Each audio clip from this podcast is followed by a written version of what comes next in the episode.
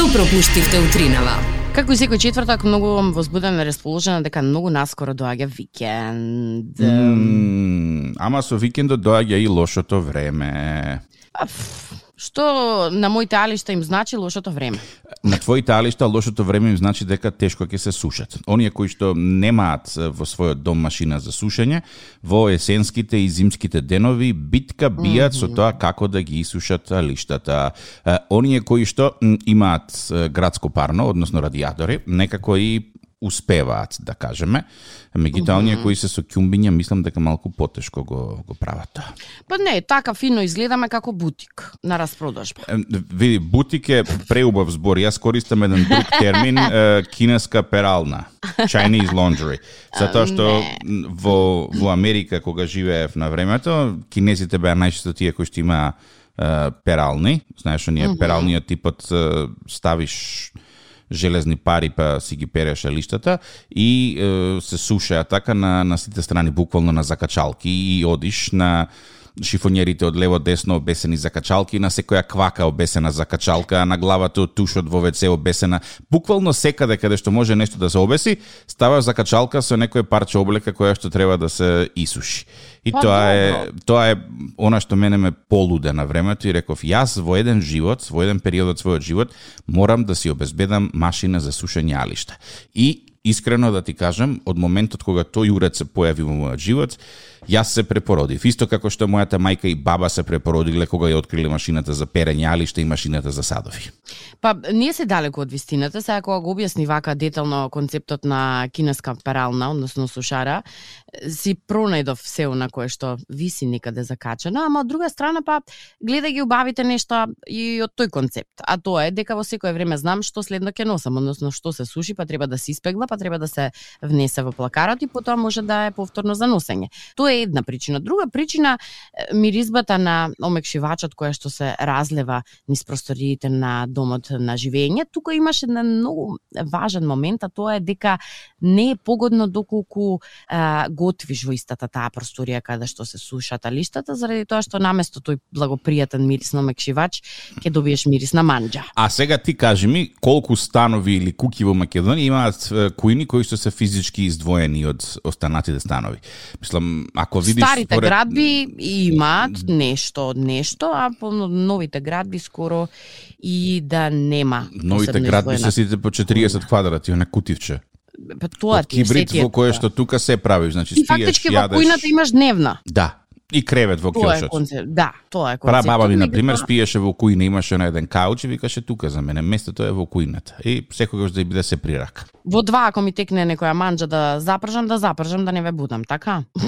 Ба, реално, да, зашто да не се гледа така на на работите. Да. Не знам, концептот на сушара како општо како производ кој што го леснува живењето ми се допаѓа многу, но со оглед на тоа дека постои друг фактор, а тоа е недостиг на слободно место каде што би се позиционирало тоа, малку е проблематично, а инаку не дека е практично, практично и така како многу. Значи, види, изборот се сведува на тоа дали ќе бараш некое место каде што ќе ја пикне в сушарата или ќе имаш алишта кои што ти вишат секаде низ куќа во периодот за 3 до 4 месеци во текот на годината. Пази, не сум се из, изнервирала до толку многу да земам сушара и да, да ја претворам во масичка за кафе, на пример. Кој ќе знае, кој ќе покрием убаво. Па можеш. Да, ако си земеш кондензацијска сушара, ќе ја тупнеш во средневна, ќе ја покриеш од озгора и супеве ти масичка за кафе. Малце ќе се мрда сега, ако од време на време, ама тогаш нема да а, ставаш не, нешто... извини, ти не си купила машина за перење алишта во, во скоро време. Ниту се мрда, ни ништо. Значи, како ја Да. наместиш, да, А, квалитет. Па тоа се тоа се некои важни да речеме работи кои што не знам зошто ги имаат променето, зошто да не се мрда, па се знае дека машина за алишта треба да се мрда на центрифуга. Вака и треба да пее, ако не пее, ако не се мрда, машина ли? Па, да, машина. Зошто да не? Бум, бум, бум, бум, бум, бум, бум, бум, бум, бум. И бум, крај. Не знам, ако сум производител, баш тие е, некои работи би ги е, потенцирала. Нашата машина се уште се мрда, нашата машина се уште пее на центрифуга. Како ти, драга домакинке, би знаела до каде е твојата машина за перење. Е, видиш, дилема по дилема се решава благодарение на начинот на кој што машините говорат. Ова е, доаѓа можеби до имплементација на една научна фантастична книга и машините зборуваат, зар не? Секој ден се појавуваат нови и нови начини на кои што мрзливи луѓе сакаат да дојдат до брзи пари и до е, заработка. Тоа вклучува поставување на разноразни веб страни, испраќање на разноразни веб пораки, SMS пораки со барање за подигање пари, продажба на велосипеди по нереални цени и така натаму и така натаму и така натаму. И кога мислиш дека си ги видел сите тие креативни работи mm -hmm. за доаѓање до брзи пари, бум, налетуваш на нешто ново на социјалните мрежи. Предходна практика беше да се собираат кликови на разноразни социјални мрежи, тоест профили, за истите потоа да бидат поставени за продажба со променето име, нели некој си купува профил од што знам 20.000 следачи за некоја си цена која што ќе одреди оној кој што го креирал. Иначе со тие беше сподели за среќа, сподели за здравје, сподели за ова, сподели за оно, и нели ти споделувајќи фактички го зголемуваш го зголемуваш го зголемуваш самиот број на на следачи, да. И со тоа веќе имаш профил кој што расте нели во недоглед и стасува некој број истиот потоа се продава, барем така знам за тоа. Е сега најновото е а, како еден одреден да речеме човек кој што има потреба за пари, да дојде до твоите податоци, до твоите кликови, до е, податоците од твојата банкарска сметка и така натаму и така натаму. Слушај го најновото кое што излезе на социјалните мрежи, кое што наголемо се споделува и нистото се клика. Немам Ајде. податоци колку луѓе веќе се фатени во таа мрежа и податоците им се искористени, меѓутоа го имам постот кој што мене реално од сам старт ми светка црвено. Добро. Нешто не е во ред. Вели се работи за нашиот аеродром, го расчистува складиште и нуди изгубен багаж за едно евро као. И тука ти е првото црвено светло кое што знаменце кое што треба да ти се развее во главата дека нешто не е во ред. Второто, вели сите куфери се спакувани со различни предмети и електроника. Еве ти второ црвено знаменце. Кој ќе ти даде електроника било каква за едно евро. Спакувана. Скопскиот аеродром Зорке. немој. Добро, важи, нема грешка.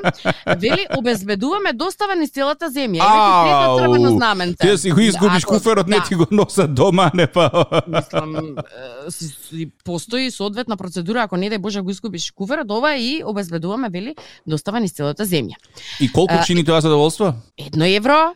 Едно евро за сето ова. Па да, па да, па, па достава до дома. Чекај, не сум завршила. Ако ни, ни третото црвено знаменце тука не ти светне, еве ти можно за четврто да ти се упали, а тоа е вели. Оваа понуда е исклучива достапна онлайн до крајот на месецот. Овде веќе не е знаменце, туку знаме. 3 метра на, на долго и на широко. Црвено се вее. Ако и ова не ти текне дека е измама, еве ти уште една шанса.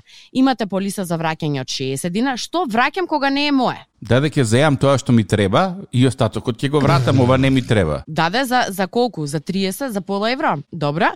И вели, за да направите нарачка едноставно кликнете на копчето во огласот и продолжете на веб страницата. А можеш да одбереш кој куфер по боја? Како не? Добро. Се можеш да одбереш. И што има на веб страницата? Ама пред да одбереш треба да оставиш веројатно податоци на твојата банкарска сметка, па после одбере до утре сабајле.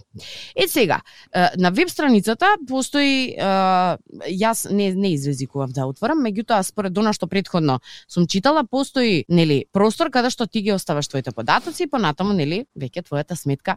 Оп, нема ништо. На вашата сметка имате 0 денари. денари. Колку и да сте имале предходно. И сега си викам, во ред, јас не верувам дека некој може толку црвени знамења да заобиколи и покрај ова, кое што реално е класичен вид на измама од некоја си измислена страна, да сепак поверува и да е, ги остави своите податоци. Ама доаѓам до друг момент каде што пред некое време, само пред некое време, се продава, тоест имавте можност да освоите најнови телефони, не знам што телефони беа, најнови, каде што беа по, по не знам, по 2-3 илјади евра и уште не беа излезли на пазарот. Вие имавте можност само во Македонија да ги е, имате истите за исто така едно евро евро. Се што требаше да направите е да оставите вашата банкарска сметка. Вау. Колку Wow. црвени знаменца треба да ви излезат во главата за да сватите дека некои одредени е, страни или постови се измама? Па Види, мислам дека некогаш толку сме водени од тоа да добиеме добар дил за нешто, што ваквите работи и покрај тоа што при здрав разум и свест би си кажал дека најверојатно не се вистините, велиш, па што едно евро е, ајде да пробам. Е, арно, ама тоа едно евро станува. Ја на времето Зорке, значи многу одамна, некаде далечна mm -hmm. 1992 година го кркав на овој начин 300 долари. Ау, раскажите му. Ама пази на Што која сакаш финта да паднав. Значи, Добра. сакав да си купам лаптоп компјутер. И тогаш на е, мејл ти стига спам понуди да ги кажеме, ајде, од типот као продаваме лаптоп компјутери нови неотпакувани, наредени марките таму и вика за да не е, контактираш е, треба да плати, да пратиш чек или кеш на таа и таа адреса, лаптопот ти стига во рок од 7 до 8 дена. И Аха. ја викам, Значи ми мајка, добра. 300 долари, а овие лаптопи тогаш да кажеме комерцијално чинеа некаде околу 500, значи за околу 40% поевтини и викам добро, ајде. Пушти, а, напишав чек, бидејќи нели тоа Америка, го праќам чекот по пошта, се разбира лаптопот никогаш не не стаса. А, не, уште не ти стаса. Откако го добија чекот, мејл адресата преку која што комуницирав престана да да Исчезна. функционира, исчезна. Да, и викам, аха, тик-так, ти е, Порано или покасно, 300 да. долари, да. А видиш, тогаш бев така наивен и паднав на таа финта. Така да сигурен сум дека и на овие финти Ама, паѓаат луѓе кои што прв пат дошле во само.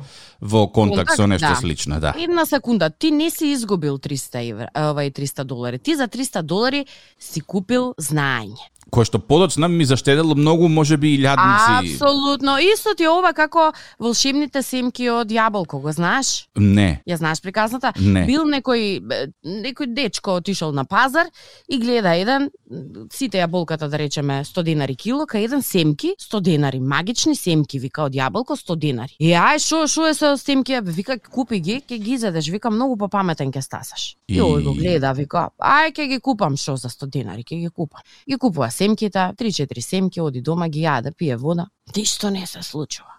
И размислува, вика, еј, семки купив за 100 денари, можев да купам кило јаболко, вика, ќе одам утре ќе се карам. Оди пак следниот ден, кај истиот што продава семки, му вика, сакам да ми ги вратиш парите. Зошто вика да ти ги вратам парите?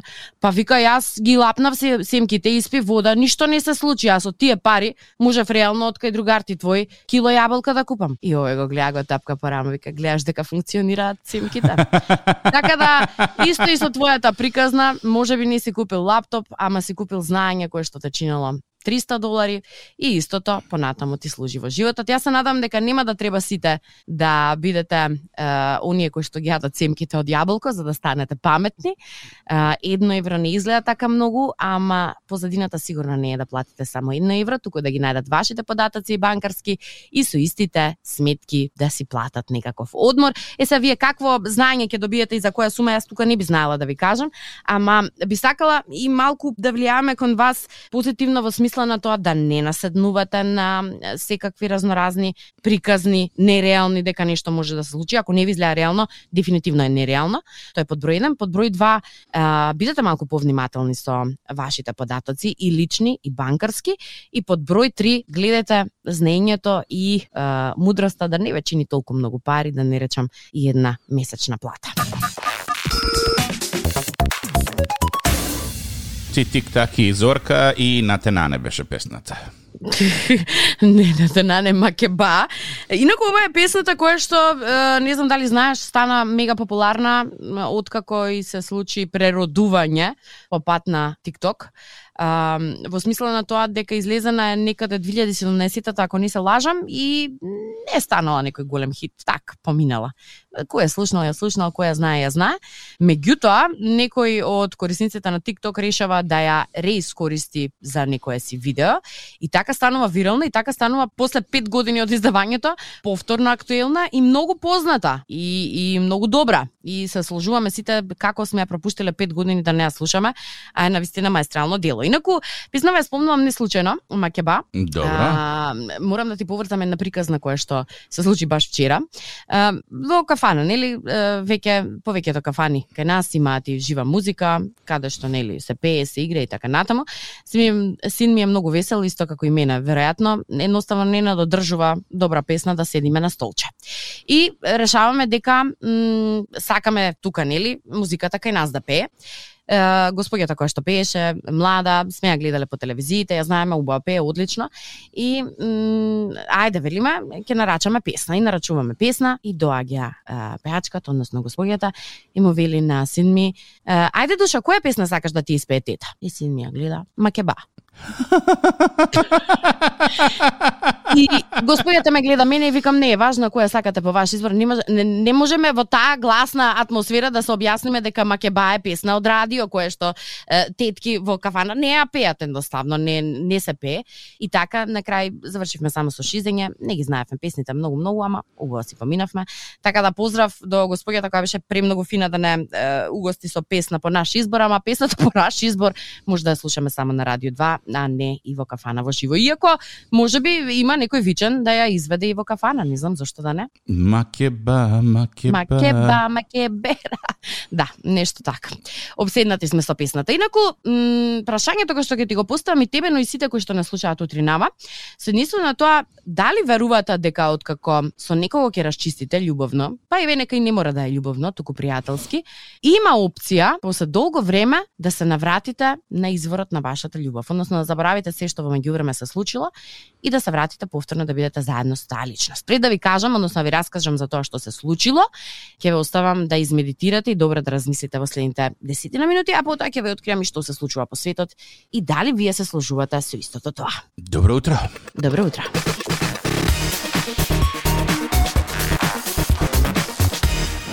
Тргнав да ви раскажувам за една љубовна приказна, која што според мене е многу чудна, ама вие ќе процените на крај дали е чудна. Всушност ништо да не е чудно кога е за луѓе, ама ај, ќе ви раскажам, па вие ќе процените. А, типкава се вика Кара Мец и живе во Канада со незиниот сопруг Лери.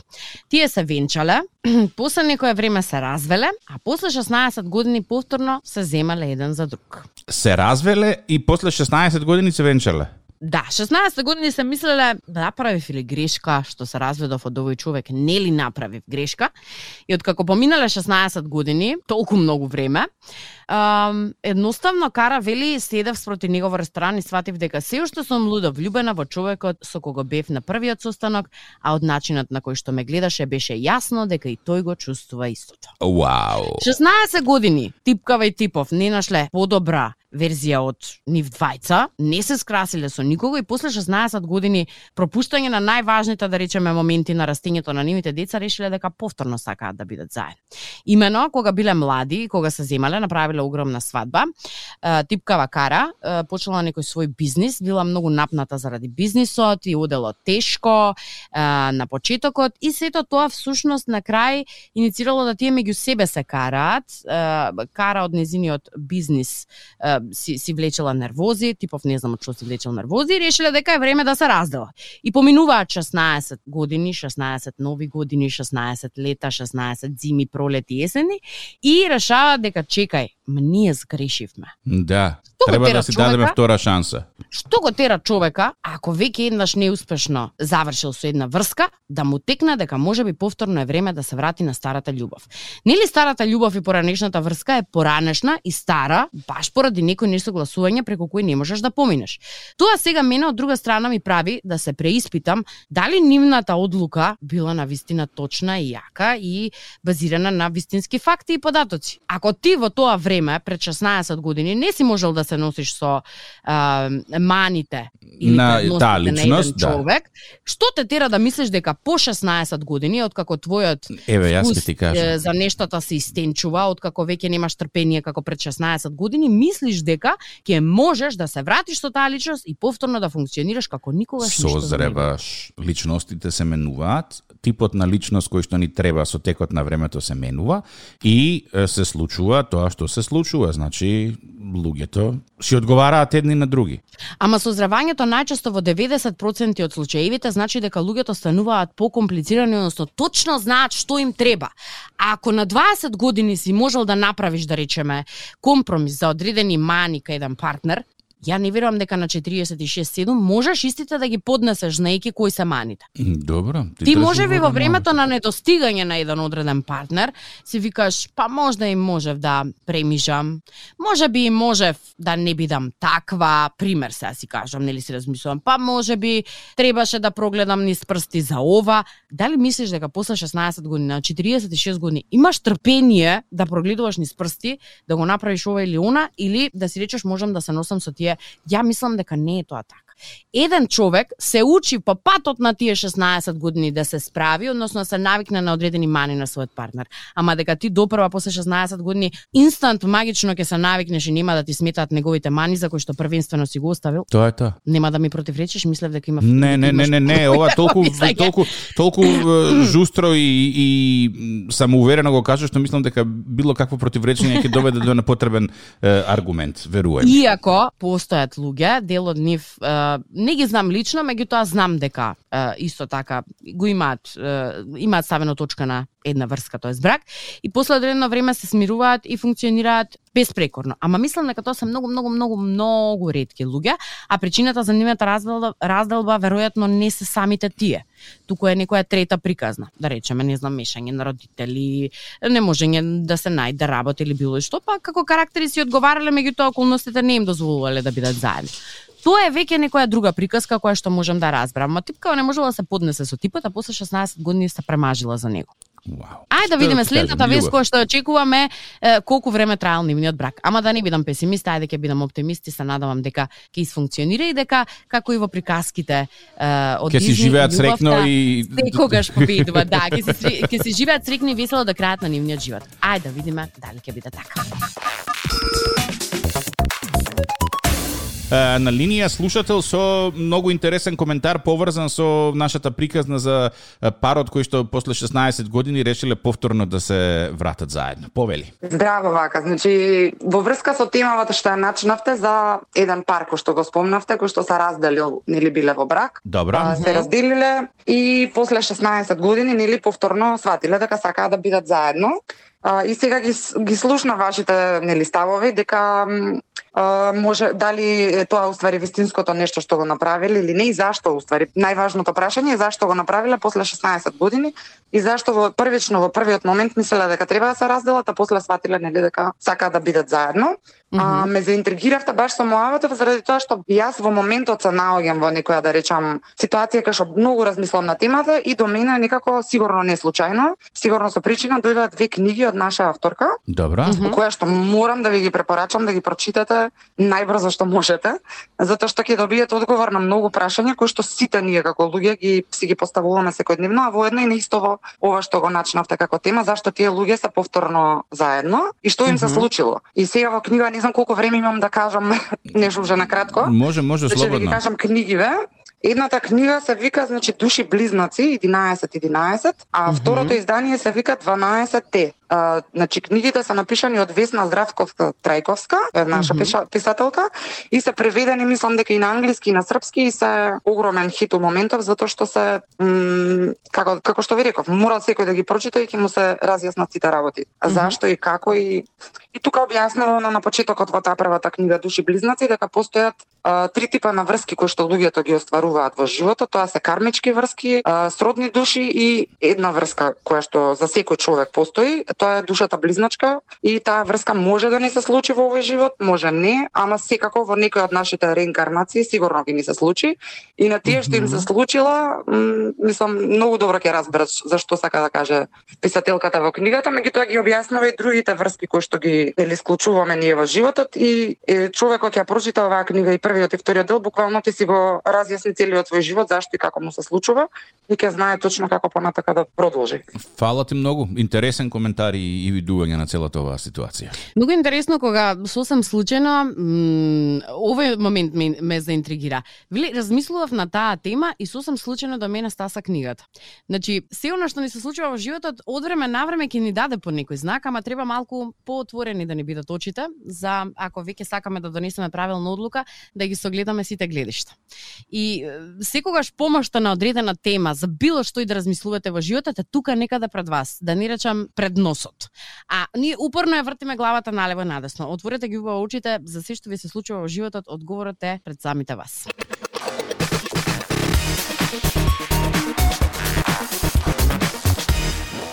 Кој ќе биде зборот за 2023 година. Нели има е, боја на Да. годината, не знам, ден на година, не, не, кој ќе биде зборот на годината?